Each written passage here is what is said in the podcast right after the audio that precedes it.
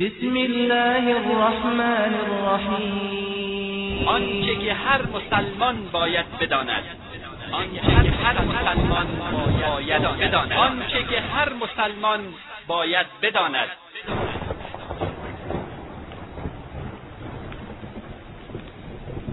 قل إن صلاتي ونسكي ومحياي ومماتي لله رب العالمين.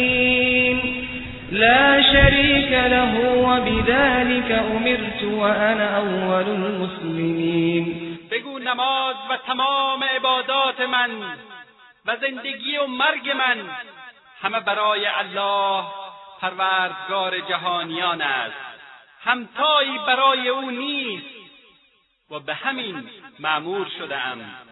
و من نخستین مسلمانم. آنچه که هر مسلمان باید بداند. همه موجودات و فرشتگان و انسانهای با عقل و دانش به یگانگی او جل جلاله اعتراف می‌کنند. شهد الله انه لا اله الا هو والملائكة وأولو العلم قائما بالقسط.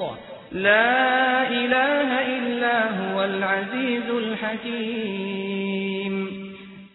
گواهی داد الله به یکتایی خود که جز او هیچ معبودی نیست و فرشتگان و صاحبان علم و دانش نیز به یکتایی او گواهی دادند.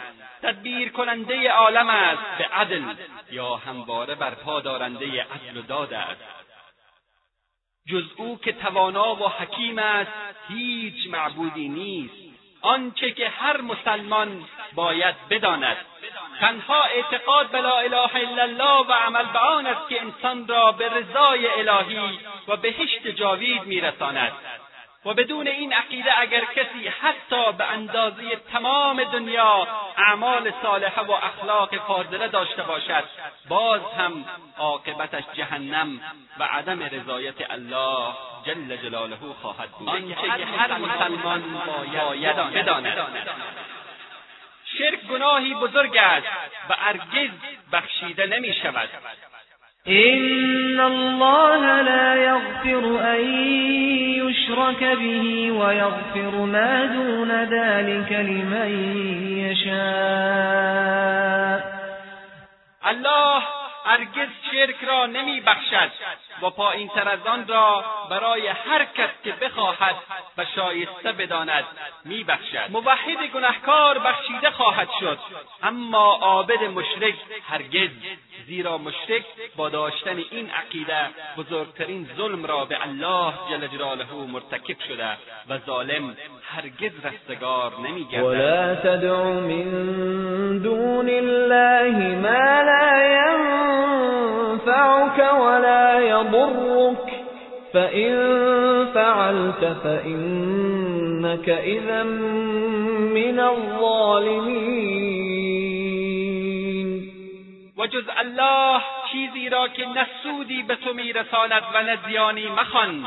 اگر چنین کنی از ستمگاران خواهی بود و هر مسلمان باید بداند که و این یمسسک الله بضر فلا کاشف له الا هو. و این یردك بخیر فلا يصيب به من يشاء من عباده وهو الغفور الرحیم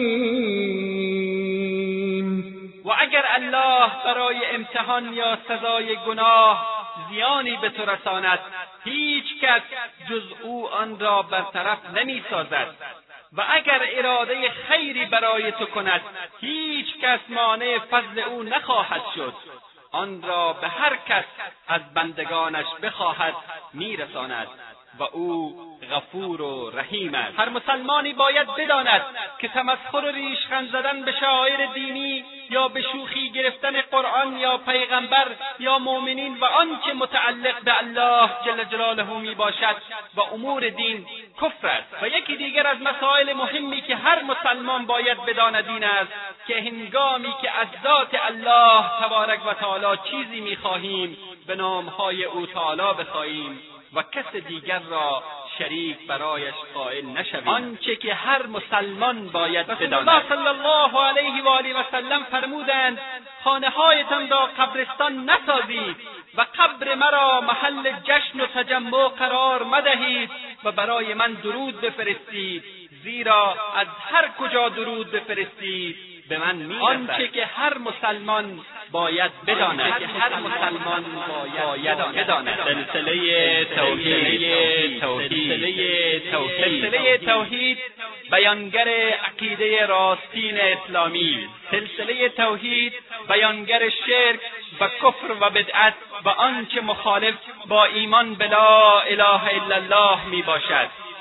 بسم الله الرحمن الرحیم. الحمد لله رب العالمین والصلاة والسلام على نبينا محمد وعلى آله وأصحابه ومن دعا بدعوته إلى يوم الدين. برادران و خواهران مؤمن مسلمان السلام علیکم و رحمت الله و برکاته. در نوارهای اول و دوم سلسله توحید درباره توحید و معنی لا اله الا الله و خطر شرک و آنچه مخالف با لا اله الا الله می باشد صحبت نمودیم. و در این بخش می‌خواهیم مهمترین اعمالی را که هر مسلمانی باید بداند بیان کنیم. تا اینکه خدای ناکرده خللی در عقیده و ایمان او وارد نشود و مخالف با اصل ایمان به لا اله الا الله نباشد و ندانسته مرتکب شرک نشود. گرچه بسیاری از این اعمال به ظاهر ساده و ناچیز می نماید اما در حقیقت گناهی بس بزرگ در نزد الله جل جلاله محسوب می گردد.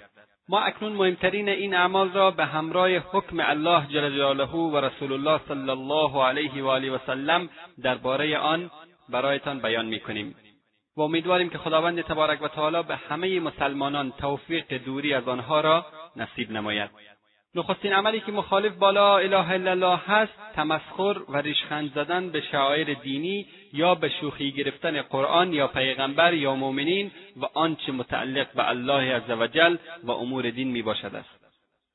خداوند تبارک و تعالی میفرماید ولئن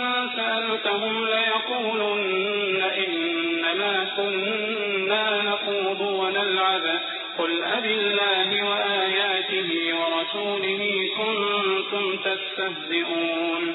لا تعتذروا قد كفرتم بعد ایمانكم و اگر از آنها بپرسی درباره آنچه که در تنه زدن به دین و عیبجویی مؤمنین گفتند می‌گویند ما فقط شوخی و بازی می‌کردیم.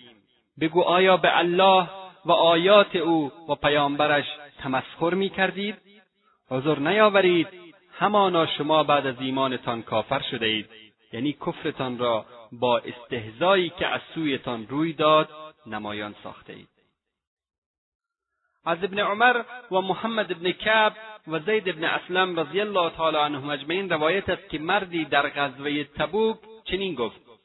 ما از این قاریان قرآن شکم پرستر و دروغگوتر و بزدلتر در جنگ سراغ نداریم. عوف رضی الله تعالی عنه به او گفت دروغ گفتی و تو منافق هستی و از آنچه که گفتی رسول الله صلی الله علیه و آله و سلم را با خبر می‌سازم. عوف رضی الله تعالی عنه رفت که پیامبر صلی الله علیه و آله و سلم را با خبر سازد. متوجه شد که رسول الله توسط وحی با خبر شدند. آن مرد نزد رسول الله آمد و ایشان تازه سوار بر مرکب خیش شده بودند و قصد داشتند حرکت کنند.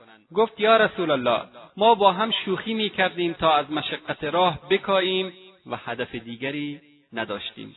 ابن عمر رضی الله تعالی عنهما میفرماید گویی امکنون آن مرد را می‌بینم که به ریسمان کجاوه شتر رسول الله صلی الله علیه و آله و سلم چسبیده و کشان کشان می‌رود و سنگها به قدم آیش اصابت می‌کند و معذرت خواهی می‌کرد و می‌گفت ما مزاح می‌کردیم و از هر دری سخن می‌گفتیم و رسول الله صلی الله علیه و آله و سلم میفرمودند ابالله و آیاته و رسوله کنتم تستهزئون؟ آیا الله و آیات الله و پیامبرش را استهزا و مسخره می‌کردید و چیزی دیگری نمی‌گفتند و فقط همین را تکرار می‌کردند؟ پس برادران و خواهران مسلمان باید بدانند که مقتضا و هدف توحید تسلیم شدن پذیرفتن تعظیم و پیروی است. اما مسخره و به شوخی گرفتن قرآن و پیغمبر و هر چیزی که متعلق به الله جل جلاله باشد در خلاف با توحید و ناقض آن است. باید دانست که استهزا به الله و پیغمبر و قرآن و اسلام کفر اکبر است و انسان را از دایره اسلام خارج می‌سازد. خاصتا اگر دین اسلام و احکام اسلام را مسخره کرده باشد که در این صورت کفر است. الله و آیاته این آیه بیانگر آن است که هر که آیات الله سبحانه و تعالی و پیغمبر و شریعتش را به باد مسخره و شوخی بگیرد کافر می شود. و عذر و بهانه هم پذیرفته نمی شود که مثلا بگوید ما مزاح و شوخی می کردیم. به طور مثال به کعبه معظمه به مسجد به حجاب زنان مسلمان به ریش به قرآن کریم به نماز و خلاصه به هر عملی که جزء دین و شریعت باشد تمسخر نمودن کفر است.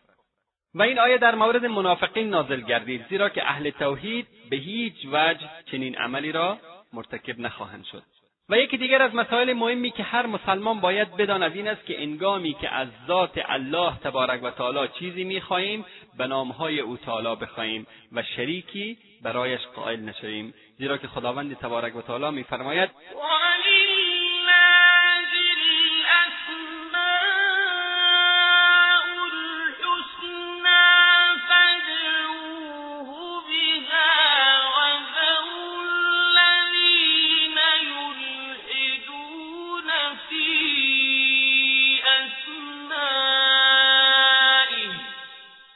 و برای الله نامهای نیک است. الله را به آن نامها بخوانید. و کسانی را که در اسماع الله تحریف می‌کنند یعنی بر غیر او مینهند و شریک برایش قائل می‌شوند رها سازید.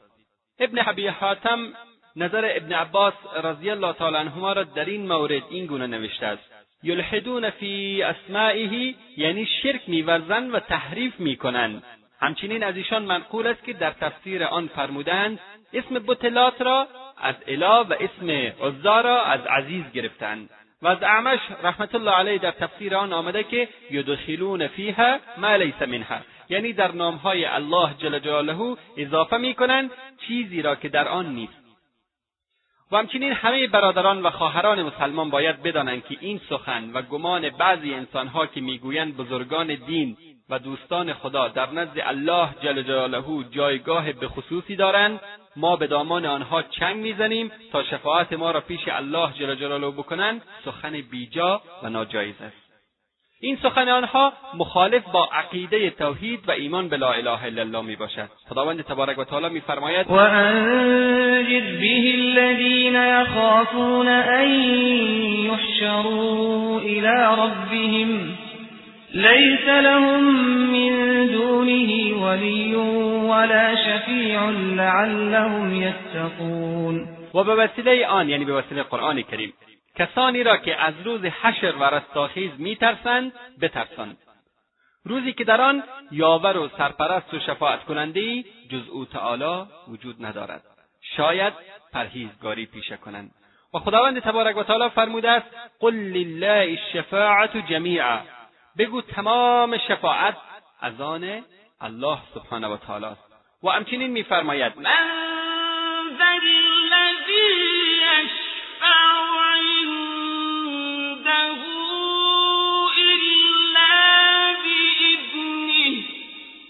کیست که در نزد او جز به فرمان او شفاعت کند. و در جای دیگری خداوند تبارک و تعالی میفرماید و کم من ملک فی السماوات لا تغنی شفاعتهم شیئا الا إلا من بعد أن يأذن الله لمن يشاء ويرضى. و چه بسیار فرشتگان آسمان ها با آن مقام و منزلتشان. شفاعت آنها سودی نبخشد مگر بعد از آنکه الله برای هر کس بخواهد و راضی باشد اجازه شفاعت دهد. برادران و خواهران مسلمان.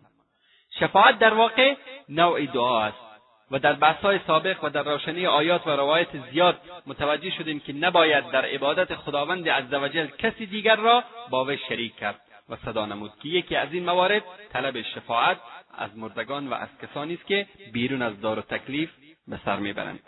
بنابراین باید دانست که طلب شفاعت از مردگان و خطاب قرار دادن آنها شرک اکبر می باشد البته درخواست شفاعت از زندگان امری است مشروع و عیبی ندارد. چنانچه برخی از اصحاب پیامبر صلی الله علیه و آله وسلم نزد رسول الله آمدند و از ایشان دعا می‌خواستند. البته هر شفاعت و دعا صد درصد قابل قبول نیست بلکه برخی قبول و برخی رد می شود در آیتی که شنیدیم بیان گردید که خداوند جل جلاله شفاعت را رد می کند مگر در حق اهل توحید و آن هم به شرط اینکه خداوند عزوجل اجازه بدهد و از هر دو طرف شفاعت راضی باشد. پس شفاعت حق الله جل جلاله و در محدوده اختیارات اوست و مؤمنان و سایر انسانها در واقع بجز ذات الله کارساز و شفیع دیگری ندارند. از این رو باید شفاعت به اجازه و رضای الله جل جلاله انجام گیرد. زیرا هیچ کس نمی‌تواند بدون اجازه الله سبحانه و تعالی برای کسی شفاعت و سفارشی بکند. نه پیغمبری نه فرشتهای نه ولی و نه امامی. بلکه این خداوند جل جلاله است که مالک شفاعت است و او به هر کس بخواهد توفیق این کار را می‌دهد و تا او تعالی اجازه ندهد کسی لب به شفاعت نخواهد گشود.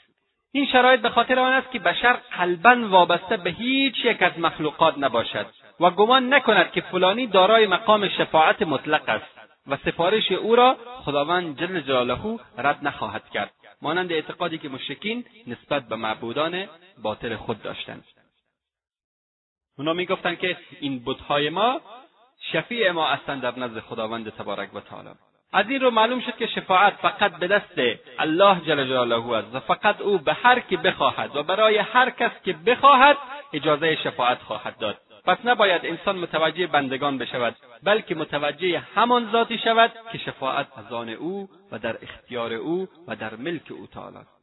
یقینا رسول الله صلی الله علیه و آله و سلم روز قیامت شفاعت خواهند کرد. اما به اجازه الله جل جلاله و برای کسی که الله عزوجل بخواهد. پس ما باید از خداوند تبارک و تعالی این طور مسئلت بکنیم که بارلاها پیامبرت را در حق ما شفیع بگردان یا بارلاها شفاعت پیامبرت صلی الله علیه و آله و سلم را نصیب ما بگردان. در جای دیگر خداوند تبارک و تعالی میفرماید قل ادعوا الذین زعمتم من دون الله لا يملكون مثقال ذرة في السماوات ولا في الأرض وما لهم فيهما من شرك وما له منهم من ظهير. ولا تنفع الشفاعة عنده إلا لمن أذن له. یعنی بگو ای محمد کسانی را که غیر از الله را معبود خود میپندارند بخوانید آنها هرگز گرهی از کار شما نمیگشایند چرا که آنها به اندازه ذرهای در آسمانها و زمین مالک نیستند. و نه در خلقت و مالکیت آن شریکند. و نه یاور او تعالی در آفرینش بودند. هیچ شفاعتی نزد او جز برای کسانی که اجازه داده سودی ندارد. و در بخاری و مسلم و مسند امام احمد و دیگر کتب حدیث روایت شده که رسول الله صلی الله علیه و آله و سلم فرمودند که ایشان روز قیامت در محضر الله جل جلاله نخست به سجده میافتند و به ستایش او تعالی می‌پردازند. آنگاه به ایشان گفته می شود سرتان را بردارید. یعنی خداوند تبارک و تعالی خطاب به پیامبر محبوبمان صلی الله علیه و آله و سلم میفرماید سرتان را بردارید بگویید تا بشنویم و بخواهید تا بدهیم و شفاعت کنید تا بپذیریم. چنانکه ابو هریره رضی الله تعالی عنه از رسول الله صلی الله علیه و آله و سلم پرسید خوشبختترین انسانی که شفاعت شما در حقش پذیرفته می شود چه کسی است؟ پیامبر صلی الله علیه و آله و سلم فرمودند کسی که لا اله الا الله را مخلصانه و از ته دل گفته باشد. پس روشن شد که شفاعت رسول الله صلی الله علیه و آله و سلم فقط شامل مخلصین در دین و توحید و آن هم به اجازه الله جل جلاله می شود.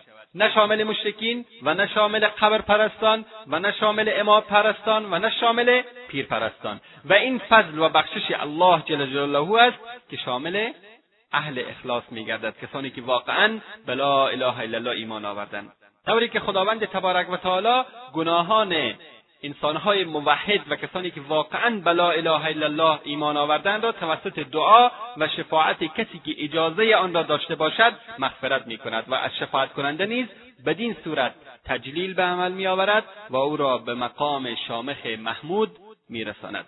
پس شفاعتی که قرآن آن را رد می کند شفاعتی است که شرکآمیز باشد و اما شفاعت برحق همان است که به اجازه الله جل جلاله صورت می‌گیرد و شفاعتی ثابت و غیر قابل انکار و آن هم طبق فرموده رسول گرامی اسلام صلی الله علیه و آله و سلم شامل موحدین مخلص می شود و همچنین بر هر مرد و زن مسلمان لازم است اهمیت قسم خوردن به نام الله جل جلاله را بداند. در ابن ماجه با سند صحیح از ابن عمر رضی الله تعالی عنه روایت است که رسول اکرم صلی الله علیه و آله و سلم فرمودند به پدرانتان قسم نخورید و هر که به نام الله قسم یاد می‌کند باید راست بگوید و برای هر که به نام الله سوگن یاد شد باید بپذیرد. و اگر نه او را با الله سبحانه و تعالی کاری نیست. این حدیث عام است چه قسم و سوگن نرد قاضی یاد کرده شود یا در جای دیگر. عظمت الله جل جلاله در دل کسی که سوگن یاد می کند و کسی که برای او سوگن یاد می شود اساس و محور است. بنابراین کسی که سوگن یاد می کند یا قسم می خورد باید به خاطر احترام و عظمت الله جل جلاله راست بگوید. و کسی که قسم یا سوگند را میشنود نیز به خاطر احترام و عظمت نام الله جل جلاله او را تصدیق بکند و بپذیرد. ولو اینکه دروغ گفته باشد. زیرا گناه سوگند دروغین دامنگیر کسی می شود که سوگند یاد می کند و نپذیرفتن سوگند گناه کبیر است. چنانکه رسول الله صلی الله علیه وسلم در حدیثی که یاد کردیم میفرمایند که او را با الله سبحانه و تعالی کاری نیست. یعنی کسی که قسم و دروغ بخورد. و موضوع مهم دیگری که هر مسلمانی باید بداند این سخن نادرست است که بعضیها می‌گویند آنچه الله و تو بخواهی. در نسایی با تصحیح روایت است که رسول الله صلی الله علیه و آله و سلم مسلمانان را دستور دادند که اگر خواستند سوگند یا قسم بخورند بگویند و رب الکعبه. یعنی تنها به کعبه قسم نخورند یعنی قسم به پروردگار کعبه بگویند و بگویند ما شاء الله ثم شئت. یعنی آنچه الله سپس تو بخواهی. همچنین در نسایی از ابن عباس رضی الله تعالی عنهما روایت است که مردی به رسول الله صلی الله علیه و آله و سلم گفت آنچه الله و تو بخواهی. رسول الله صلی الله علیه و آله و سلم فرمودند اجعلتنی لله ندا آیا مرا با الله شریک ساختی؟ این طور بگو ما الله وحده. یعنی هرچه فقط الله بخواهد. برادران و خواهران مسلمان همچنین باید بدانند که ناسزا گفتن به زمانه یعنی ناسزا گفتن به الله جل جلاله می باشد ناسزا گفتن یا فحش و دشنام دادن به زمانه از الفاظ ممنوعه و ناجایز می باشد و باید از آن پرهیز نمود. زیرا استعمال چنین کلماتی ضد توحید است ولی متاسفانه از برخی از انسانهای نادان میشنیم که وقتی به مصیبتی مواجه می‌شوند شروع به ناسزا گفتن زمانه می‌کنند و لب به ناله و شکوه میگشایند و برخی روزها و ماهها و سالها را نفرین می‌کنند که بی این نفرین ها و ناسزا گفتنها به زمانه بر نمیگردد زیرا زمانه از خود هیچ اختیاری ندارد و هیچ کاری انجام نمی‌دهد بلکه به اختیار ذاتی که الله جل جلاله است میچرخد. و ناسزا گفتن به ذاتی برمیگردد که زمانه به دست اوست. البته سخن گفتن در مورد سالهای تنگدستی و این که بگوید که مثلا این روز یا این ماه برای من شوم بود یا بد بود اشکالی ندارد. زیرا در این گفته مطلقا زمانه را شوم نمی‌داند بلکه به خاطر مسائلی که برایش ناگوار بوده آن را نسبت به خود شوم می‌داند. گویا در واقع می‌گوید حالت خود را بیان می‌کنم یا حالت خود را بیان می‌کند. و باید هر مسلمانی بداند که در اسلام از فحش دادن و ناسزا گفتن نه شده است ولو که به باد باشد. در ترمیزی با تصحیح از عبید بن کعب رضی الله تعالی عنه روایت است که رسول اکرم صلی الله علیه و آله و سلم فرمودند باد را فحش ندهید. اگر چیز ناگواری از آن دیدید این دعا را بخوانید. اللهم انا نسألك من خیر هذه الريح و خیر ما فيها و خیر ما امرت به. ونعوذ بك من شر هذه الريح وشر ما فيها وشر ما امرت به. یعنی بارلاها ما خیر این باد و خیر آنچه در آن هست و خیر مأموریتی را که دارد می‌خواهیم و از شر این باد و از شر آنچه در آن هست و از شر مأموریتی که دارد به تو پناه می‌بریم. ناسزاگویی و دشنام به باد همچون ناسزاگویی به زمانه است و در واقع برمیگردد به ذاتی که باد در اختیار و تصرف اوست. که آن هم کسی جز الله جل جلاله نمی باشد پس نهی در اینجا تحریمی است و هر گونه فحش و ناسزاگویی به باد حرام می باشد البته اگر گفته شود باد خیلی تند یا ویرانگر بود فحش به حساب نمیآید بلکه اینها اوصاف و حقایقی است که باد به آن موصوف بوده است. و از دعایی که رسول اکرم صلی الله علیه و آله و سلم به ما آموختن نتیجه می‌گیریم که باد کاملا در تصرف الله جل جلاله و به اختیار او تعالی و به هر سو که بخواهد آن را میفرستد. الله عزوجل میفرماید. وقالوا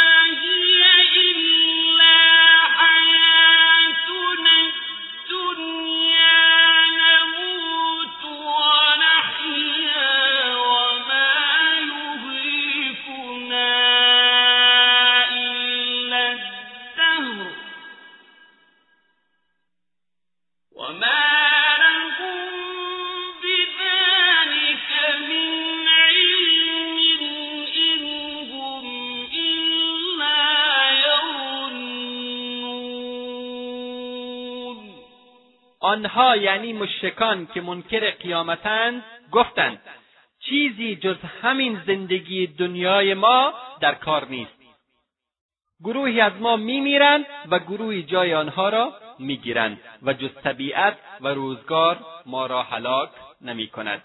آنان به این سخن که می‌گویند علمی ندارند بلکه تنها حدس می‌زنند و گمانی بیپایه دارند و در بخاری و مسلم از ابو هریره رضی الله تعالی عنه روایت است که رسول اکرم صلی الله علیه و آله و سلم فرمودند خداوند جل جلاله میفرماید بنی آدم مرا آزار می‌دهد زمانه را ناسزا می‌گوید در حالی که منم زمانه چون شب و روز را من میچرخانم. هدف این نیست که زمانه یا دهر در حدیث که ذکر شده است یکی از نامهای خداوند تبارک و تعالی است. بلکه به عنوان اعتراض به گفته آنان چنین فرمود که شما زمانه را فحش می‌دهید. زمانه من هستم چون چرخش آن به دست من است. پس ناسزا گفتن به آن ناسزا گفتن به من است که آن را میچرخانم. و یکی دیگر از مسائل مهمی که هر مسلمان باید بداند این است که بر خود و فرزندانش نام نیک و مناسب بنهد. از ابو هریره رضی الله تعالی عنه روایت است که رسول اکرم صلی الله علیه و آله و سلم فرمودند زشترین و حقیرترین نام نزد الله جل جلاله آن است که مردی ملک الاملاک نامیده شود در حالی که مالکی جز الله جل جلاله وجود ندارد. سفیان رحمت الله علیه میفرماید مثل اینکه بگویند شاهنشاه و در روایت آمده که فرمودند مبغوضترین شخص نزد الله جل جلاله و خبیسترین آنها نزد او تعالی در روز قیامت. کسی است که نام یا لقبش ملک الاملاک یا شاهنشاه یا شاه شاهان یا قاضی القضات است. در اینجا آدابی را بیان می‌کنیم که لازم است انسان موحد و همه برادران و خواهران مسلمان آن را بدانند و در مورد اسما و صفات الله جل جلاله قلبا و زبانا رعایت بکنند. تا به نامهای الله عزوجل کمترین اهانت و توهینی نشود. و دیگران به اسما و صفات او تعالی توصیف نگردند. به طور مثال اگر بر کسی و یا فرزندانمان نام و یا صفتی از الله جل جلاله را به عنوان اسم انتخاب کردیم همیشه باید به امرای عبد ذکر نماییم. مانند عبدالرحیم عبدالرحمن عبدالله و غیره. و نگوییم رحمان و رحیم. و همچنین گذاشتن نامهایی مانند عبدالعلی عبدالرضا عبدالرسول عبدالحسین و عبدالاحمد شرک و ناجایز است. زیرا عبد به معنی بنده و انسان نمی‌تواند هرگز بنده انسانی باشد. خداوند تبارک و تعالی میفرماید. فلما آتاهما صالحا جعل له جعل له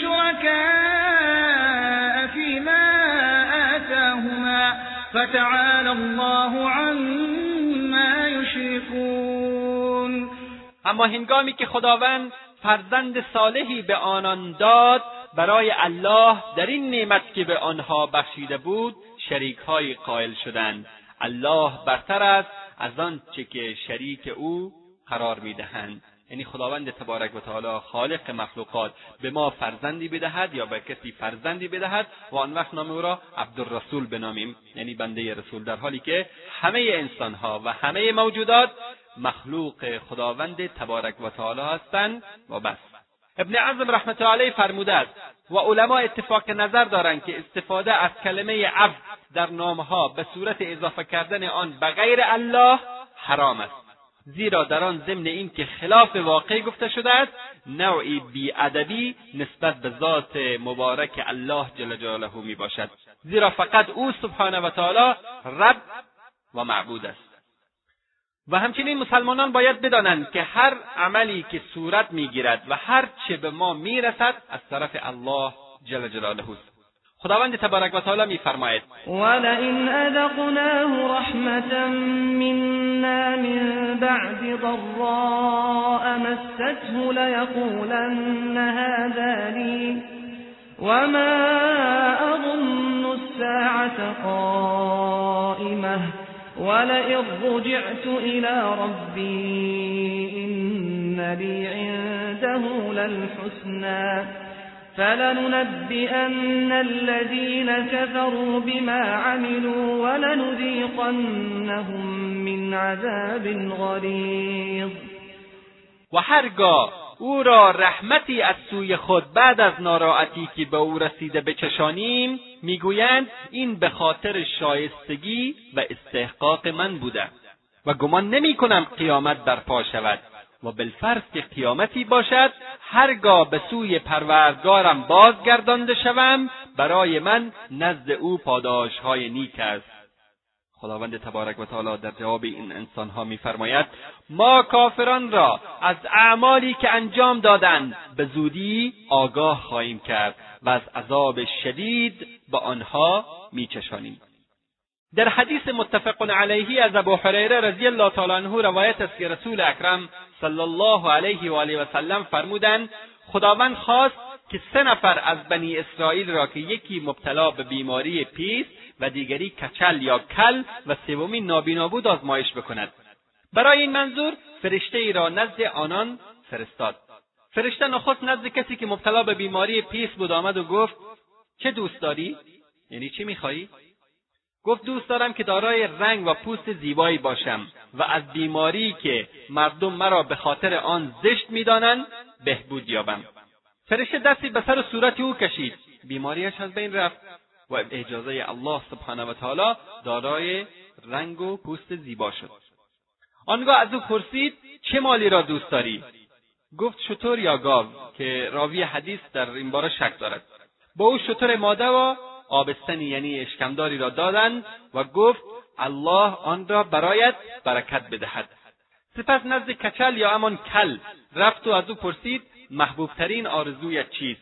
گفت دوست دارم که موهای زیبا داشته باشم و از آنچه که مرا در چشم مردم زشت کرده است نجات یابم.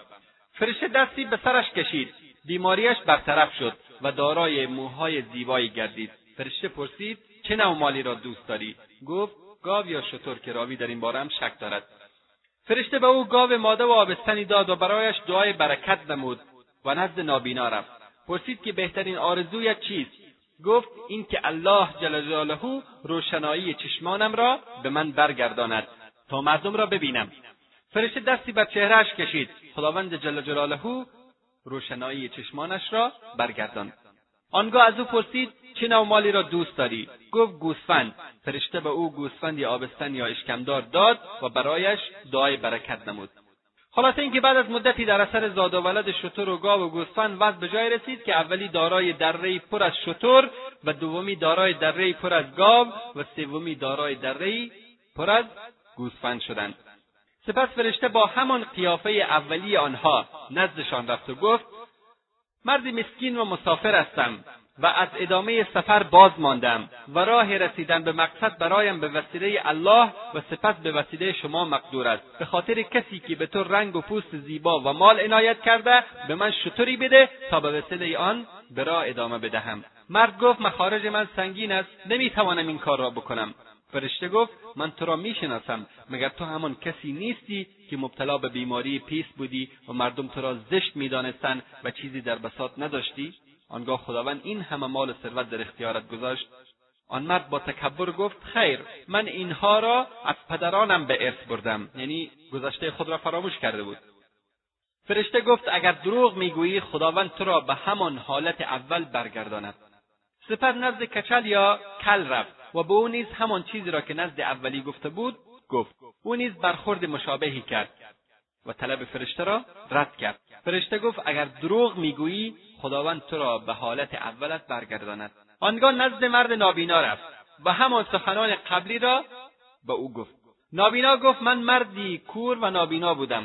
خداوند جل جلاله بر من منت نهاد و چشمانم را به من بازگرداند هرچی از مالم می‌خواهی بردار و هرچی می‌خواهی برای من بگذار. سوگند به خدای عزوجل که امروز هرچی از مالم به نام او تعالی برداری آن را از تو نگیرم. فرشته گفت مالت را برای خودت نگهدار. شما مورد آزمایش الهی قرار گرفتید. الله جل جلاله از تو راضی و از امراهانت ناراضی شد. بله خواهران و برادران عزیز.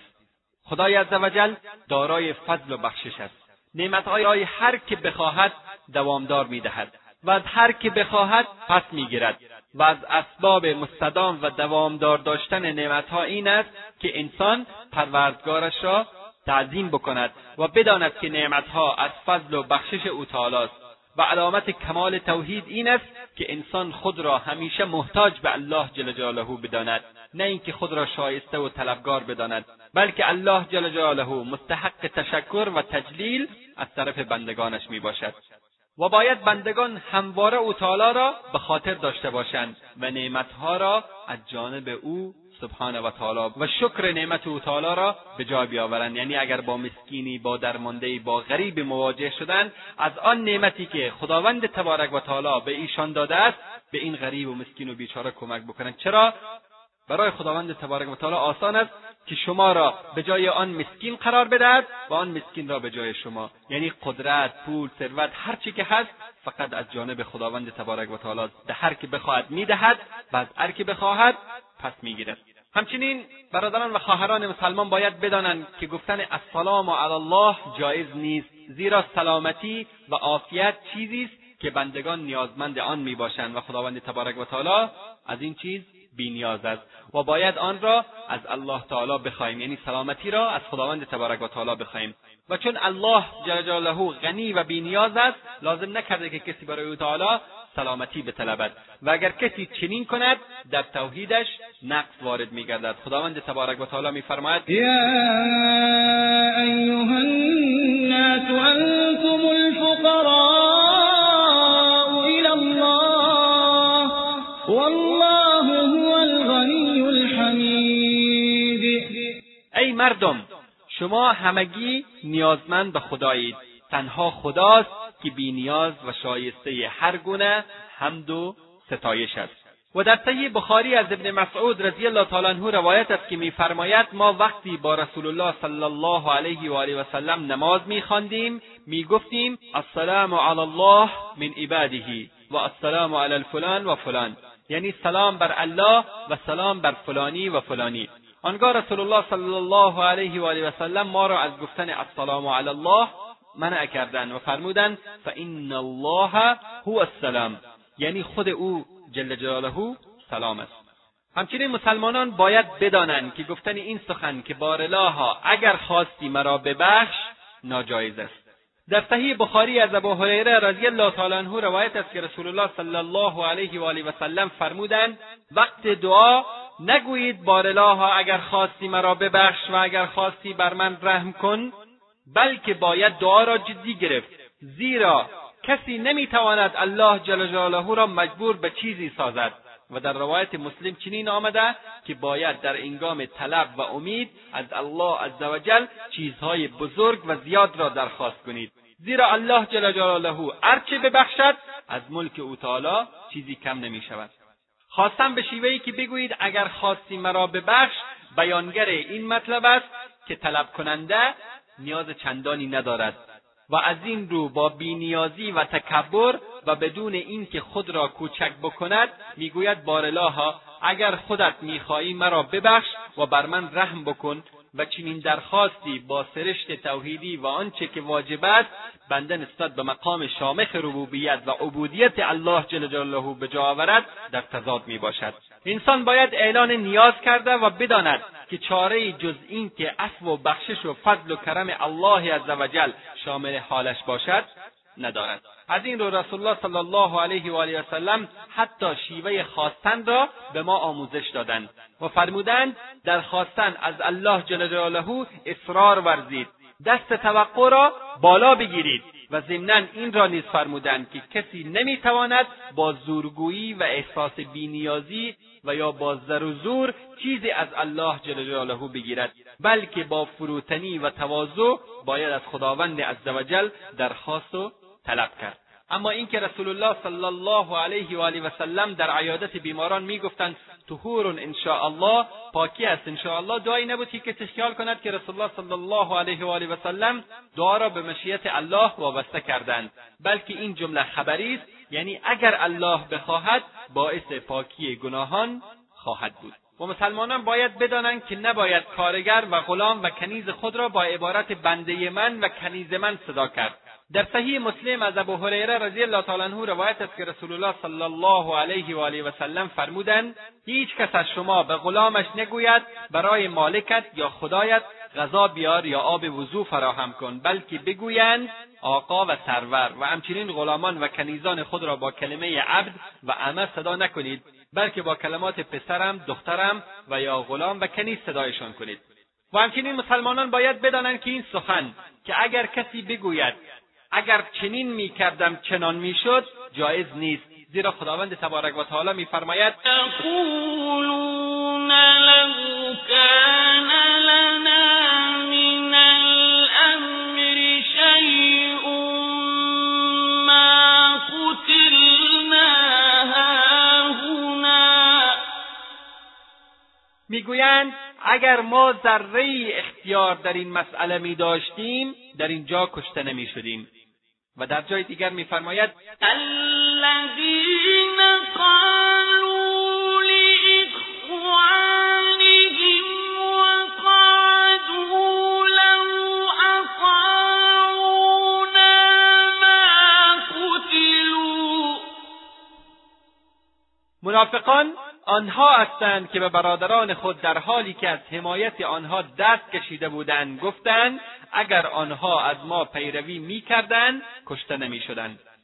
بسیاری از مردم در تقدیر الهی دچار تردید می‌شوند و خیال می‌کنند که اگر فلان کار را نمی‌کردیم چنین نمی‌شد. در حالی که همه کارها و نتایج آنها در اثر تقدیر الهی و طبق حکمت او تعالی صورت می‌گیرد. بنابراین استفاده از کلمه لو یا اگر برای اموری که گذشته است جایز نمی باشد و از خصلتهای منافقین به شمار می رود.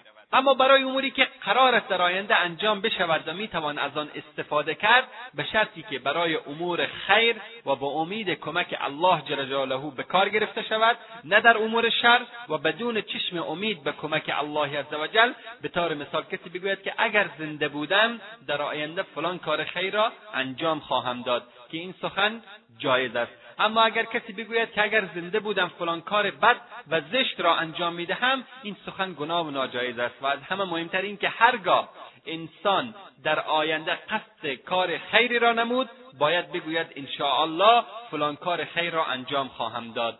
زیرا بدون اجازه و خواست الله جل جلاله انسان هیچ کاری را نمی‌تواند انجام بدهد. و در صحیح مسلم از ابو هریره رضی الله تعالی عنه روایت است که رسول اکرم صلی الله علیه و آله و سلم فرمودند به آنچه که برایت منفعت دارد حریص باش و از الله جل جلاله کمک بگیر. و ناتوان مباش و اگر دچار مصیبتی شدی مگو اگر چنین می‌کردم چنان می‌شد. بلکه بگو تقدیر الهی چنین بود و او هرچه بخواهد انجام می‌دهد. زیرا کلمه لو یا اگر دروازه امور شیطان را باز می‌کند. و همه مسلمانان باید بدانند که وعده عذاب شدیدی در مورد مجسمه سازان و نقاشان و عکاسان آمده است. بتساز یا مجسمه ساز به کسی می‌گویند که با دست شکل و صورتهایی از گل و غیره می‌سازد که به نوعی مشابهت با خالق جل جلاله نموده و مانند او به آفرینش می‌پردازد. دوم اینکه تصویرها و مجسمهها وسیلهای برای شرک ورزیدن به الله جل جلاله می‌باشد. چنانکه بسیاری از مشرکین گذشته به وسیله تصویرها و مجسمهها شرک میورزیدند و به خاطر حساسیتی که در دین مبین اسلام نسبت به شرک وجود دارد طبعا با تصویر و مجسمه به عنوان وسایل شرک سازگاری نخواهد داشت. در حدیث متفق علیه از ابو هریره رضی الله تعالی عنه روایت است که رسول اکرم صلی الله علیه و آله و سلم فرمودند الله سبحانه و تعالی میفرماید چه کسی ظالمتر از کسی است که می‌خواهد مانند من مخلوق بیافریند؟ اگر کسی می‌تواند پس ذره یا دانه و یا یک دانه جو بیافریند. و از صدیقه بنت صدیق محبوبه رسول اکرم صلی الله علیه و آله و سلم عایشه رضی الله تعالی عنها روایت است که رسول اکرم صلی الله علیه و آله و سلم فرمودند بدترین و شدیدترین عذاب روز قیامت از آن کسی است که در آفرینش با الله جل جلاله خود را مانند بکند. و مفهوم حدیث مادرمان عایشه صدیقه رضی الله تعالی عنها چنین است که سختترین عذاب یا سختترین عذاب قیامت به کسی اختصاص دارد که خود را همچون الله جل جلاله آفریننده می‌داند. و چنین گمانی کفر اکبر است. البته در صورتی که دارای یکی از این دو حالت باشد. اول بتی بسازد با علم بر اینکه مورد پرستش قرار خواهد گرفت. دوم اینکه تصویر و مجسمه یا نقاشی بسازد و خیال بکند از آنچه که الله جل جلاله آفریده هست بهتر آفریده است. حدیث فوق را علما بر همین حمل کردند البته تصویرسازی و مجسمه تراشی از گناهان کبیره می باشند و کسانی که به این کارها و به این چیزها سر و کار دارند نفرین شده و به عذاب دردناک وعده داده شدند. و در حدیث دیگری که بخاری و مسلم از ابن عباس رضی الله تعالی عنهما روایت کردند رسول اکرم صلی الله علیه و آله و سلم فرمودند جای هر کسی که تصویری را می‌کشد و یا نقاشی می‌کند در آتش است. هر تصویری که ساخته است به صورت موجود زندهای در میآید و او را در دوزخ به وسیله آن عذاب می‌دهند. همچنین از ابن عباس رضی الله تعالی عنهما مرفوعا در بخاری و مسلم روایت است که هر کس در دنیا تصویری ساخته است در آنجا یعنی در روز قیامت او را موظف می‌کنند که در آن روح بدمد یا او را زنده بگرداند و او قادر به چنین کاری نخواهد بود. و در صحیح مسلم از ابوالحیاج اسدی روایت است که میفرماید علی رضی الله تعالی عنه به من فرمود آیا تو را برای انجام کاری که رسول الله صلی الله علیه و آله و سلم مرا برای انجام آن فرستاده بودند نفرستم؟ رسول الله صلی الله علیه و آله و سلم فرمودند یعنی به حضرت علی رضی الله تعالی عنه فرمودند هیچ تصویری را نگذار مگر آن را نابود کنی و هیچ قبر مرتفعی نگذار مگر آن را با خاک همسان کنی. از حدیث علی رضی الله تعالی عنه برمیاد که علت اصلی حرمت تصویر و مجسمه سازی همان وسیله شرک بودن آن است. چنانکه حکم آن با حکم قبرهای بلند که وسیله بارز شرک و گاهی محل تجمع شرک می باشد یکسان است. و همچنین این حکم شامل کسانی می باشد که به نام یادگاری عکس خود و یا دوستان و خانواده خود را نگه میدارند و یا از مجالس عروسی و مهمانی ها عکس برداری می کنند همچنین مسلمانان باید بدانند که زیاد قسم خوردن یا سوگند خوردن عملی ناجایز و گناه است. زیرا خداوند تبارک و تعالی میفرماید واحفظوا ایمانکم امر می‌کند به مسلمانها که و سوگندهای خود را حفظ کنید و نشکنید. و در بخاری و مسلم از ابو هریره رضی الله تعالی عنه روایت است که رسول الله صلی الله علیه و آله و سلم فرمودند سوگند یا قسم جنس را به فروش میرساند. و برکت کسب و کار را از بین می‌برد. و در تبرانی با سند صحیح از سلمان رضی الله تعالی عنه روایت است که رسول اکرم صلی الله علیه و آله و سلم فرمودند خداوند با سه نفر سخن نخواهد گفت و آنها را پاکیزه نخواهد کرد و برای آنان عذاب دردناک است. اول پیرمرد زناکار. دوم نادار متکبر. سوم مردی که نام الله را وسیله امرار معاش خود ساخته است. طوری که چیزی نمی‌گوید مگر با سوگند و قسم و چیزی نمیفروشد مگر با قسم.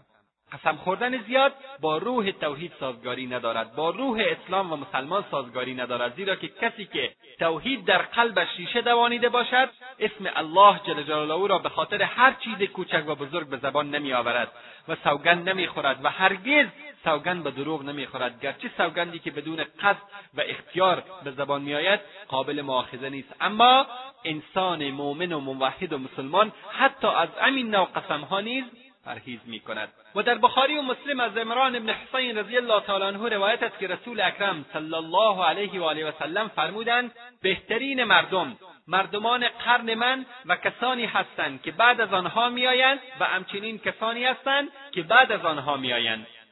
راوی میفرماید نمی‌دانم که این را دو بار تکرار کردند یا سه بار. و افزودند که بعد از شما ملتی میآیند که گواهی می‌دهند در حالی که کسی آنان را گواه نمی‌گیرد. یا در حالی که گواه ماجرا نبودند. از قضیه اطلاع ندارند اما قسم می‌خورند شهادت می‌دهند و خیانت می‌کنند و اهل امانت نیستند و نظر مینمایند و به آن وفا نمی‌کنند و در آنان چاکی غالب می شود یعنی هم و غمشان جز شکمپرستی و بدنسازی نخواهد بود. که در نتیجه چاق و فربی می‌شوند که متاسفانه امروز بیشتر امت اسلامی دچار این مرض شدند. و از ابن مسعود رضی الله تعالی عنه روایت است که رسول اکرم صلی الله علیه و آله و سلم فرمودند بهترین مردم مردمان قرنی هستند که من در آن به سر می‌برم و مردمان بعد از آن و مردمان بعد از آن هستند. سپس ملتی میآید که گواهیش بر سوگندش و سوگندش بر گواهیش سبقت می‌گیرد. و از اموری که هر مسلمان باید بداند این است که عهد و پیمان الله جل جلاله و پیغمبرش صلی الله علیه و آله و سلم را گرامی بدارد.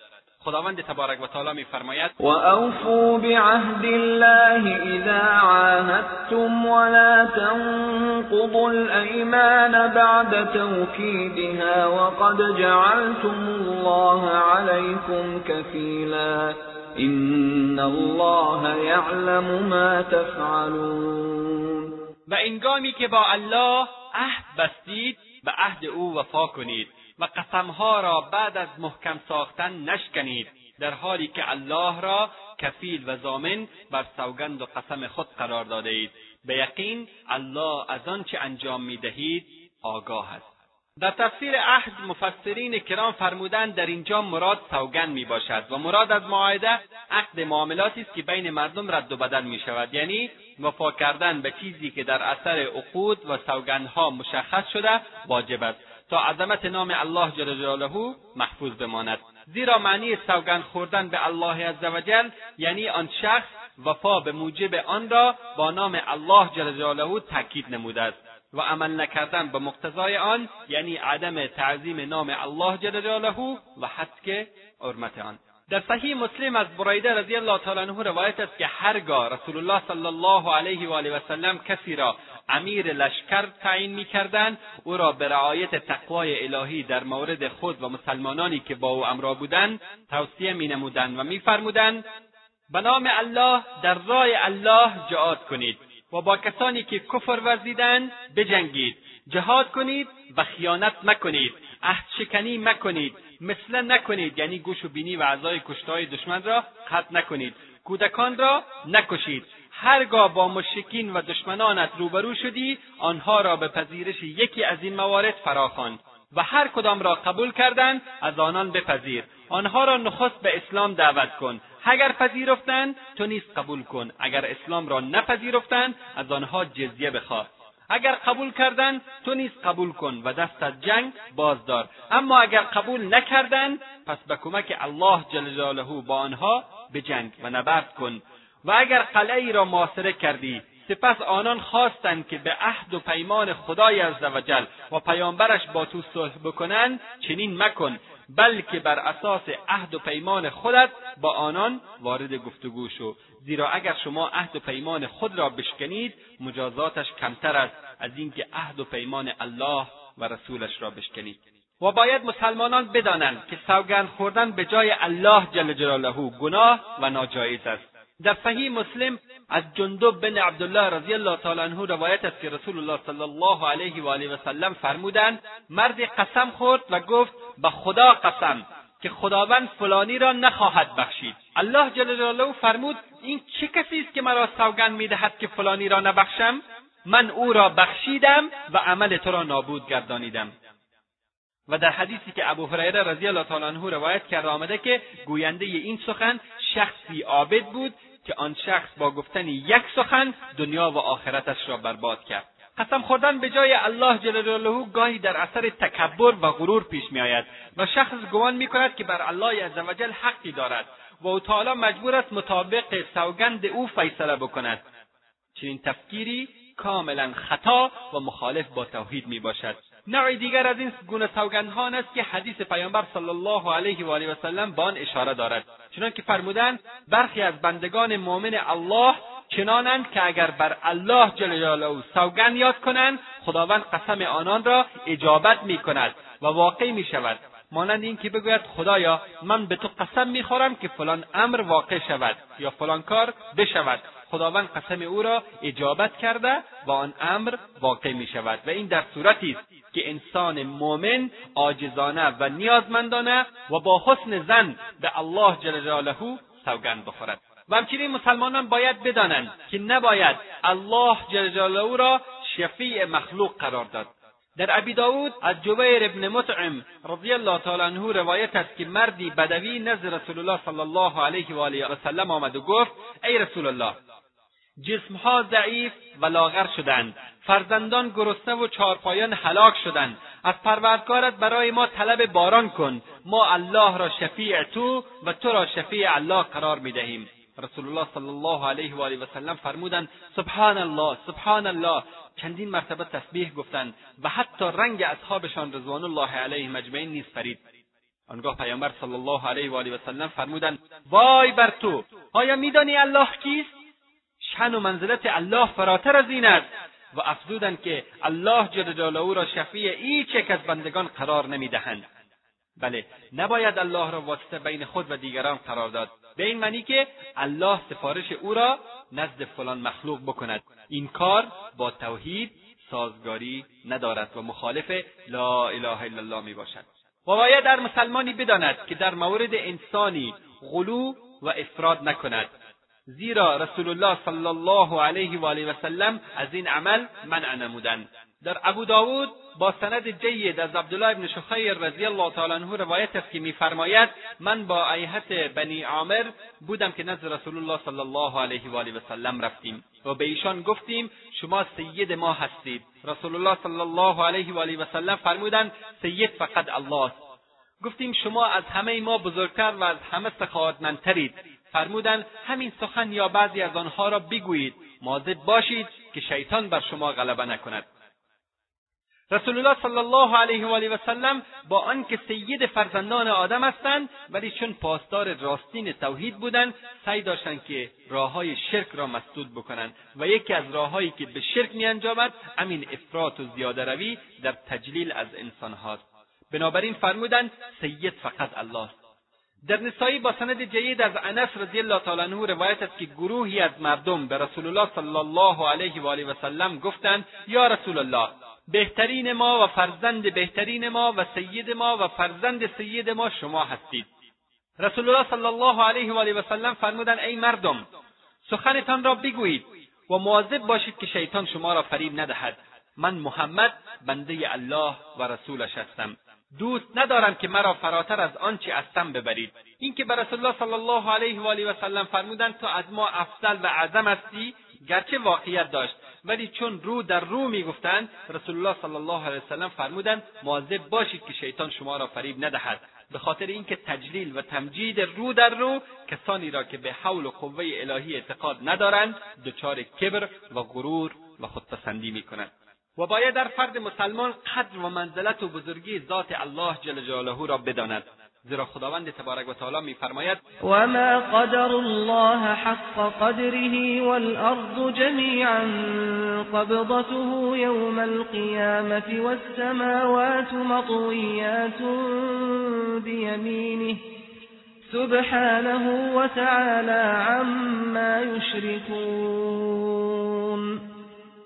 آنها الله را آنگونه که شایسته است نشناختند در حالی که تمام زمین در روز قیامت در قبضه اوست و آسمانها پیچیده در دست راست اوست. خداوند منظم و بلند مقام است از شریکهایی که برای او میپندارند. و در حدیث شریف به روایت بخاری و مسلم از ابو هریره رضی الله تعالی عنه آمده است خداوند جل جلاله در روز قیامت زمین را قبضه می کند و آسمانها را با دست راست خود در هم میپیچد. سپس میفرماید انا الملک عین ملوک الارض. منم فرمانروا پس کجایند فرمانروایان زمین؟ البته بیان و اعتقاد این مسئله به همان صورتی است که آمده است بدون قائل شدن به کیفیت و چگونگی آن. زیرا کیفیت و چگونگی آنها بر ما انسانها پوشیده است و تصور و خیالات ما خارج می باشد و از ابن عمر رضی الله تعالی عنه در صحیح مسلم روایت است که رسول اکرم صلی الله علیه و آله وسلم فرمودند الله جل جلاله روز قیامت آسمانها را میپیچاند و آنها را در دست راست خود می‌گیرد و می‌گوید منم پادشاه کجایند پادشاهان ستمگر کجایند متکبران؟ سپس زمینهای افغانه را در دست دیگرش می‌گیرد و می‌گوید منم پادشاه کجایند پادشاهان ستمگر؟ کجایند متکبران؟ و ابن جریر و غیره از ابن عباس رضی الله تعالی عنهما روایت کردند که فرمود آسمانها و زمینهای افغانه در دست الله عزوجل مانند دانه خردل در دست یکی از شما می باشد برادران و خواهران مسلمان پس شایسته است که در مورد الله جل جلاله بیندیشیم. پروردگار غالب و با حکمتی که دارای تمامی صفات جلال است. بالای عرش است. در املاک وسیع خیش که زمین ذره از آنهاست امر و نهی می کند رحمتها و نعمتهایش را به هر که بخواهد میبخشد و از هر که بخواهد بلا و مصیبت را برطرف می‌سازد. او ولی نعمت همگان و اهل فضل و بخشش است. ببینید که چه خالق عظیمی است. آسمانها تحت فرمان و در تصرف او می باشد و فرشتگان به فرمان او و در عبادت او مشغولند.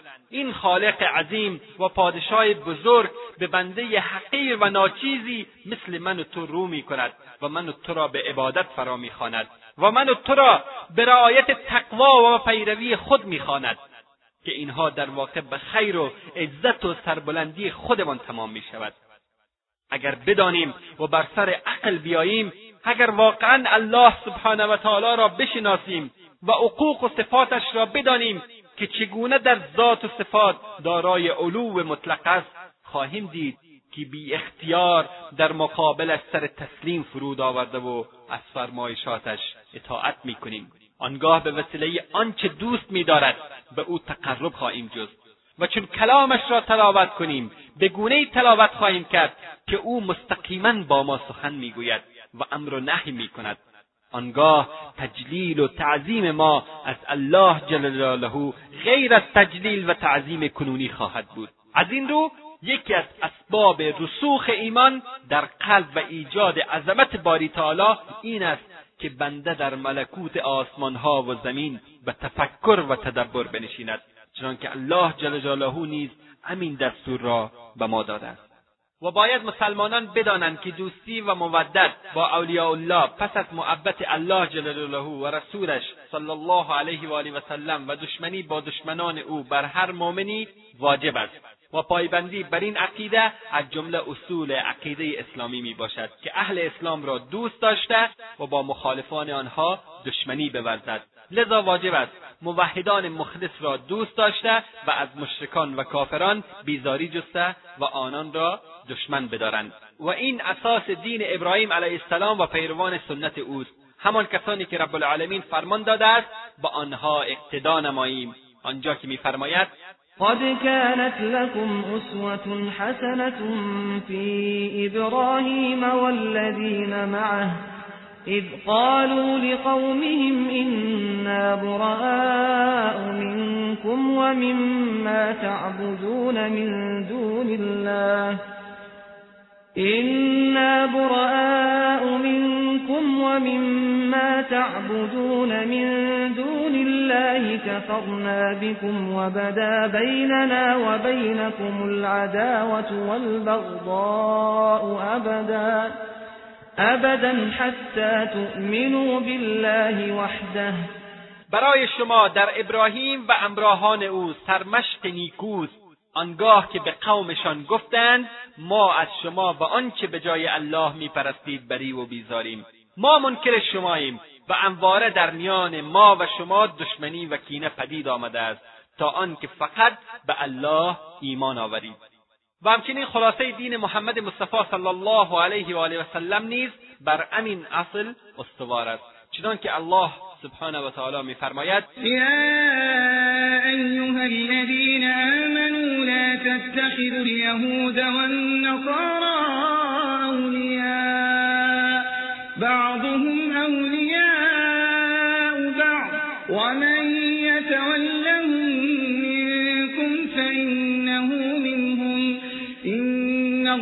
الله لا يهدي القوم الظالمين. ای مؤمنان یهود و مسیحیان را که در مقابله با شما دوست و هوادار یکدیگرند به دوستی نگیرید و هر کس از شما آنان را دوست گیرد جزو آنان است. الله ستمکاران را هدایت نمی کند جمهور مفسرین در تفسیر این آیه میفرمایند خداوند متعال در این قول خود از موالات یعنی دوستی با کفار منع نموده است. این بدین معنی است که دوست نگیرید کفار را یعنی یاری نکنید کفار را و یاری نخواهید از کفار و برادری و معاشرت ننمایید با آنها چنانکه با مسلمانان برادری و معاشرت مینمایید. و یکی دیگر از مسائل مهمی که هر مسلمان باید بداند این است که شباهت در پوشش و نحوه گفتار تقلید از کفار در لباس و کلام و سایر آداب و رسوم نشانه محبت آنهاست. بر همین اساس پیامبر صلی الله علیه و آله و سلم در حدیثی که امام احمد رحمت الله علیه روایت کرده میفرمایند من تشبه بقوم فهو منهم. هر کس به قومی مشابهت کند یعنی از آنها تقلید کند از جمله آنهاست. همرنگی و مشابهت به کفار در عادات عبادات آداب و سلوک که از جمله ویژگی و مشخصه های آنان است حرام و مخالف با ایمان به لا اله الا الله می باشد مانند تراشیدن ریش بلند کردن سیبیل یا برود و تقلید در لباس و خوردن و نوشیدن همچنین به کارگیری اصطلاحات زبانشان جز در انگام ضرورت. همچنین مسلمانان باید بدانند که عدم اقامت در دارالکفر و مهاجرت در جهت حفظ دین به دارالاسلام بر هر مسلمانی واجب است. زیرا اقامت در دارالکفر پذیرش محبت و دوستی با کافران می باشد از این رو الله سبحانه و تعالی اقامت مسلمانان را که توانایی هجرت داشته باشند در میان کافران حرام نموده است. چنانکه میفرماید. ان الذين توفاهم الملائكه ظالمي أنفسهم قالوا فيم كنتم قالوا كنا مستضعفين في الأرض قالوا ألم تكن أرض الله واسعة فتهاجروا فيها فأولئك مأواهم جهنم وساءت مصيرا کسانی که فرشتگان جانشان را می‌گیرند و آنان بر خود ستم روا داشتند. به ایشان گویند در چه حالی بودید؟ گویند ما در سرزمین خود مستضعف بودیم. گویند آیا مگر زمین خدا وسیع نبود که بتوانید در آن به هر کجا که می‌خواهید هجرت کنید؟ سرانجام اینان جهنم است و بد سرانجامی است إلا المستضعفين من الرجال والنساء والولدان لا يستطيعون لا يستطيعون حيلة ولا يهتدون سبيلا. مگر مردان و زنان و کودکان مستضعف که نمی‌توانند چارهای بیندیشند و راه به جایی نمی‌برند؟ فأولئك عسى الله أن يعفو عنهم وكان الله عفوا غفورا. اینان را باشد که خداوند ببخشاید و خداوند بخشاینده آمرزگار است الله جل جلاله اجازه سکونت در سرزمین کفار را به مسلمانان نداده و در این راستا عذر کسی را نمیپذیرد. مگر کسانی که مستضعف بوده و توانایی مهاجرت ندارند یا آنهایی که ماندنشان برای مصلحت دینی مانند دعوت به سوی الله و نشر اسلام است. و همچنین سفر نمودن به سرزمین کفار به قصد سیر و سیاحت حرام و ناجایز است. مگر در مواقع ضرورت از قبیل تداوی مریض تجارت و آموزش علوم ضروری برای مسلمانان که دستیابی به آن در غیر این صورت میسر نباشد؟ لذا اقامت به اندازه رفع نیاز بلا مانع است و چون رفع نیاز گردید بازگشت به دارالاسلام واجب است. و شرط جواز چنین سفری این است که مسافر دین خود را آشکار نموده و به اسلام خویش افتخار نماید و از مکانهای شر دوری جوید تا از دستیسه و نیرنگ دشمنان در امان بماند. همچنین سفر به سرزمین و دیار کفر جهت دعوت به سوی الله عزوجل و نشر اسلام جایز بلکه واجب می باشد همچنین باید هر مسلمانی بداند که حمایت و یاری کفار بر علیه مسلمانان و یاری طلبیدن اعتماد کردن سرسپردگی و خدمت برای کفار دادن منصبهای حساس که سبب دسترسی کفار به اسرار مسلمانان میگردد و برگزیدن آنها به عنوان دوستان صمیمی از جانب خدای متعال شدیدا منع شده است زیرا این اعمال سبب خارج شدن مسلمان از دایره اسلام میگردد. الله جل جلاله در این باره میفرماید یا ایها الذین آمنوا لا تتخذوا بطانة من دونكم لا تتخذوا بطانة من دونكم لا يألونكم خبالا ودوا ما عنتم قد بدت البغضاء من أفواههم وما تخفي صدورهم أكبر. قد بينا لكم الآيات إن كنتم تعقلون ای مؤمنان غیر از خودتان کسی را به همدلی و دوستی نگیرید که از هیچ نابکاری و تجاوز در حق شما فروگذار نمی کنند و به رنج و مهنت افتادن شما را دوست دارند و به راستی دشمنی از لحن و سخنانشان آشکار است و آنچه دلهایشان پنهان می‌دارد بدتر است. آری اگر اندیشه کنید آیات خیش را به روشنی برایتان بیان کرده ایم و در آیه دیگری میفرماید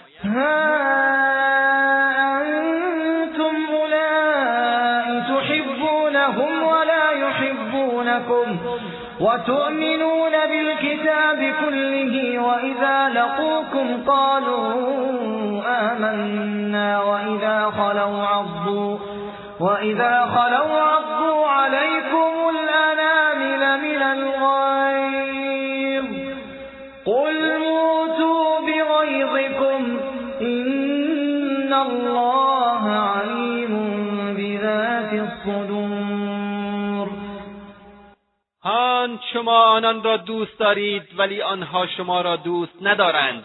و شما به همه کتابهای آسمانی ایمان دارید و چون با شما رو در رو شوند گویند ایمان آورده ایم و چون تنها شوند سر انگشتان خیش را از شدت کینه و غیظ شما به دندان میگزند.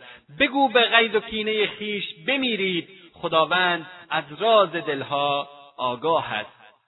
و باید هر مسلمانی بداند که شرکت در جشنها کمک کردن در برگزاری آن و تبلیغ گفتن به کفار از جمله نشانه های محبت به کفار و مخالف با اصل لا اله الا الله می باشد پس بر هر مسلمان لازم است که در عیدهای آنان شرکت نکند و روزهای مقدس آنها را جشن نگیرند مانند روز کریسمس یا روز میلاد مسیح و عید نوروز که یکی از روزهای مقدس دین زردشتیان و مجوسیان آتش پرست می باشد و از جمله صفات بارز بندگان نیک الله جل جلاله این است که ایشان در جشنهای کفار شرکت نمیجویند زیرا می‌دانند که رسول الله صلی الله علیه و آله و سلم میفرمایند من تشبه بقوم فهو منهم. هر کس با قومی مشابهت کند یعنی از آنها تقلید کند از جمله آنهاست. و هر مسلمانی باید بداند که مدح و ستایش قوانین فرهنگ و تمدن کفار و شیدای اخلاق و روش آنها بودن جایز نبوده و مخالف با عقیده اسلامی و ایمان به لا اله الا الله می باشد ولا تمدن عينيك إلى ما متعنا به أزواجا منهم زهرة الحياة الدنيا زهرة الحياة الدنيا لنفتنهم فيه. ورزق ربك خير وأبقى. به چیزی که اصنافی از آنان را با آن بهرهمند گردانده ایم چشم مدوست که تجمل و زیبایی زندگی دنیوی است. تا سرانجام آنان را بدان بیازماییم و روزی پروردگارت بهتر و پاینده تر است. این بدین معنی نیست که مسلمانان اسباب توسعه از جمله تعلیم و صنعت و امور اقتصادی و فنون نظامی را فرا نگیرند بلکه آن را از مسلمانان می‌خواهد و در اصل مسلمانان به بهرهمندی از این منافع و اسرار و رموز اولاترند. همچنان که الله جل جلاله میفرماید قل من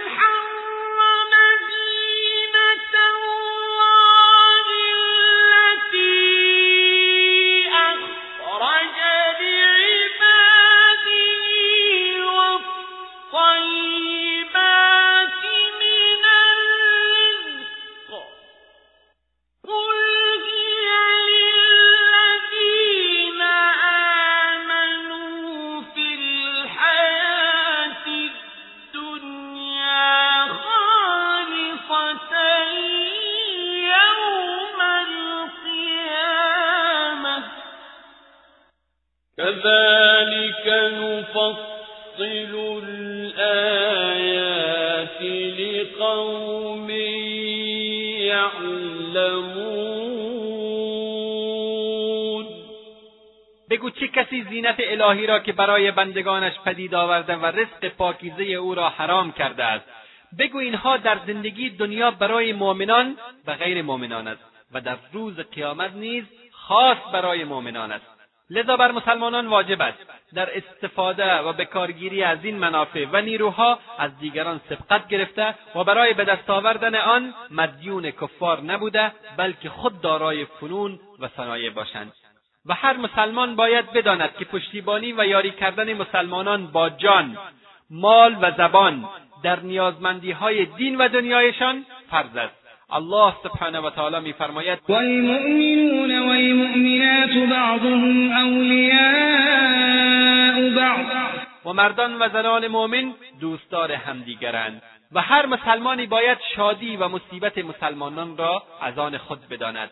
پیامبر صلی الله علیه و آله و سلم در حدیثی که بخاری روایت کرده است میفرمایند ترى المؤمنین فی تراحمهم و توادهم و تعاطفهم كمثل الجسد اذ اشتكى عضوا تداعى له سائر الجسد بالسحر والحمى.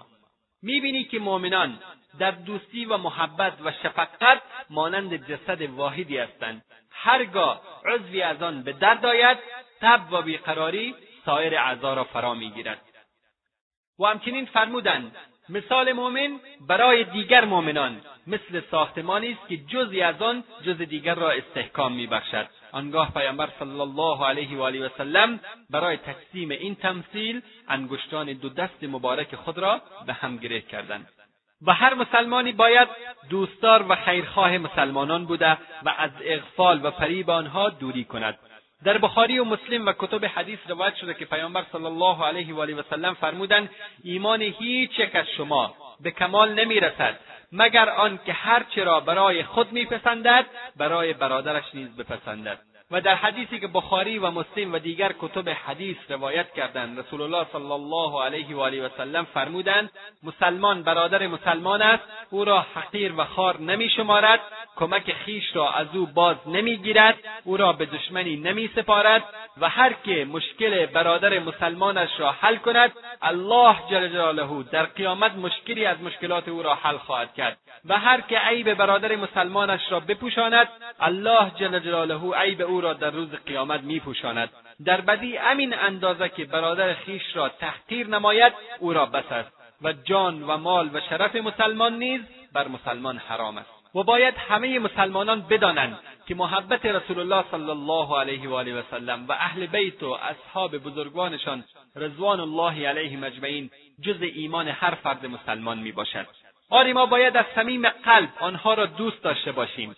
و از هر گونه کینه و دشمنی نسبت به آنها پرهیز نماییم زیرا آنان مخلصترین مؤمنان بودند که قافل سالار آنها رسول الله صلی الله علیه و آله و سلم می باشند که محبت ایشان پس از محبت الله جل جلاله واجب است که از محبت جان، مال، فرزند، والدین و تمام مردم پیشی گیرد. پس از رسول الله صلی الله علیه و آله و سلم محبت امسران پاک رسول الله صلی الله علیه و آله و سلم مادران مؤمنان و اهل بیت ایشان و همه اصحاب گران قدرشان به ویژه خلفای راشدین و بقیه عشره مبشره مهاجرین انصار اهل بدر اهل بیعت رضوان و سایر صحابه رضوان الله عنهم اجمعین بر امت اسلام واجب است.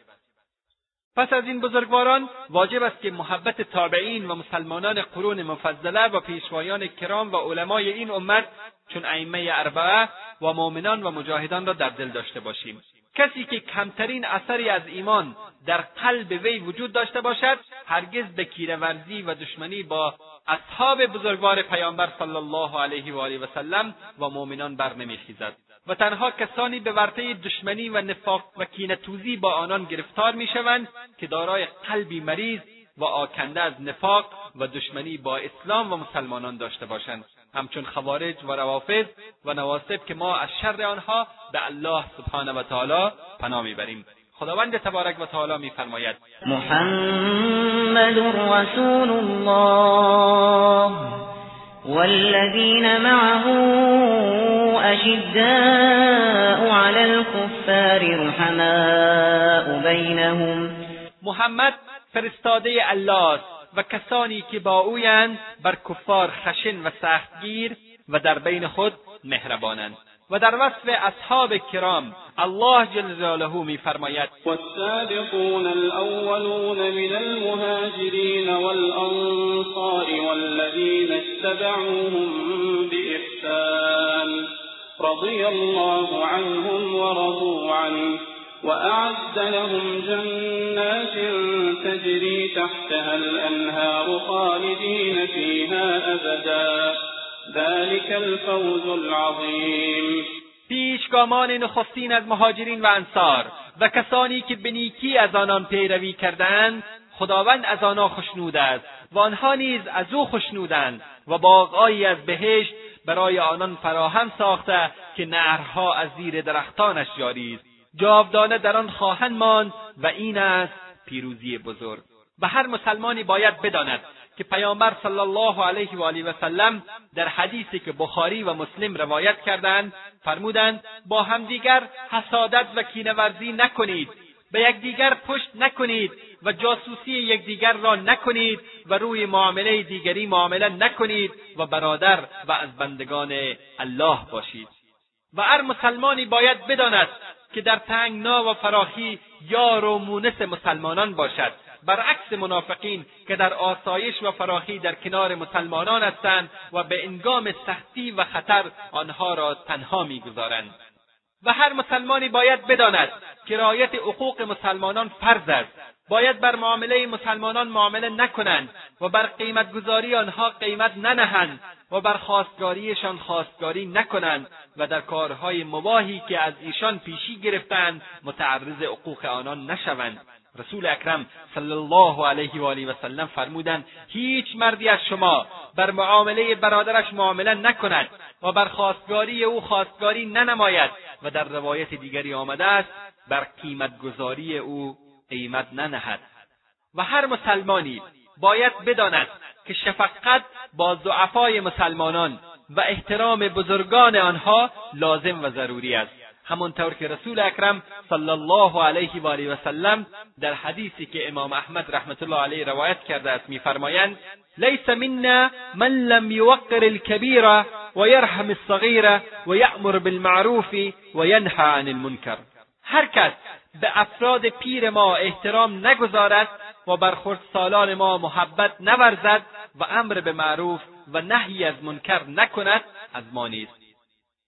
با این حدیث گرانقدر پیامبر بزرگوار اسلام صلی الله علیه و آله و سلم از بارگاه رب العزت و الجلال می‌خواهیم که به ما و همه برادران و خواهران مسلمان ما پیروی از دستورات الله جل جلاله و رسول الله صلی الله علیه و آله و سلم را نصیب نماید. ما را از دعای خیرتان فراموش نکنید و صلی الله علی سیدنا و حبیبنا محمد و علی آله و صحبه اجمعین. و آخر دعوانا أن الحمد لله رب العالمین والسلام علیکم ورحمة الله وبركاته.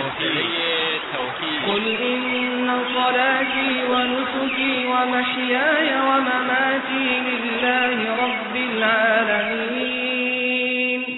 لا شريك له وبذلك أمرت وأنا أول المسلمين. بگو نماز و تمام عبادات من. و زندگی و مرگ من همه برای الله پروردگار جهانیان است. همتایی برای او نیست. و به همین معمور شدهام و من نخستین مسلمانم. توحید و معنی لا اله الا الله. توحید و معنی لا اله الا الله.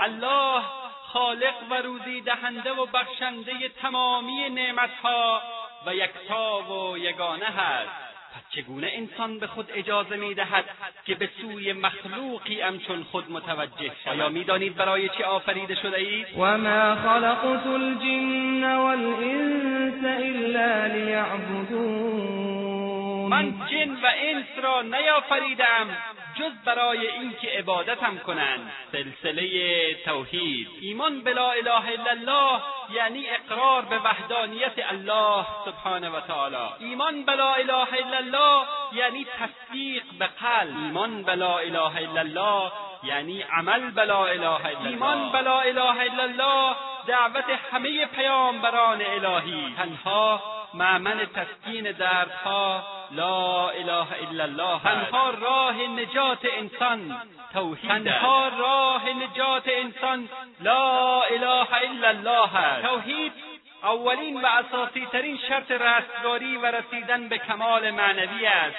توحید مهمترین موضوع مطرح شده در همه کتابهای آسمانی و مخصوصا قرآن مجید توحید تنها هدف بعثت انبیا و دعوت مشترک همه پیامبران از آدم تا خاتم علیهم السلام بوده ارسلنا من قبلك من رسول الا نوحی الیه انه لا اله الا انا فاعبدون. و ما هیچ رسولی را به رسالت نفرستادیم جز آن که به او وحی کردیم که به جز من الهی نیست.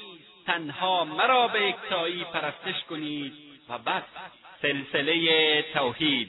همه موجودات فرشتگان و انسانهای با عقل و دانش به یگانگی او جل جلاله اعتراف می کنند شهید الله انه لا اله الا هو والملائكة وأولو العلم قائما بالقسط. لا إله إلا هو العزيز الحكيم گواهی داد الله به یکتایی خود که جز او هیچ معبودی نیست. و فرشتگان و صاحبان علم و دانش نیز به یکتایی او گواهی دادند. تدبیر کننده عالم است به عدل یا همواره برپا دارنده عدل و داد است. جز او که توانا و حکیم است هیچ معبودی نیست. لا اله الا الله رکن اول و اساسی دین مبین اسلام است. پیامبر محبوبمان محمد مصطفی صلی الله علیه و آله و صحبی و سلم میفرمایند اساس و پایه‌های اسلام بر پنج چیز استوار گردیده اول گواهی دادن به اینکه هیچ معبود و اله به حقی غیر از الله یکتا و بی همتا نیست و اینکه محمد صلی الله علیه و آله و سلم فرستاده الله است. دوم و برپا داشتن نماز. سوم و پرداخت و ادای زکات. چهارم روزه ماه مبارک رمضان. پنجم و حج بیت الله برای کسی که توانایی داشته باشد. تنها اعتقاد به لا اله الا الله و عمل به آن است که انسان را به رضای الهی و بهشت جاوید میرساند. و بدون این عقیده اگر کسی حتی به اندازه تمام دنیا اعمال صالحه و اخلاق فاضله داشته باشد باز هم عاقبتش جهنم و عدم رضایت الله جل جلاله. شرک گناهی بزرگ است و هرگز بخشیده نمی شود إن الله لا يغفر أن يشرك به ويغفر ما دون ذلك لمن يشاء. الله هرگز شرک را نمی بخشد و پایین تر از آن را برای هر کس که بخواهد و شایسته بداند می بخشد موحد گنهکار بخشیده خواهد شد. اما عابد مشرک هرگز زیرا مشرک با داشتن این عقیده بزرگترین ظلم را به الله جل جلاله مرتکب شده و ظالم هرگز رستگار نمی ولا تدع من دون الله ما لا ينفعك ولا يضرك. فإن فعلت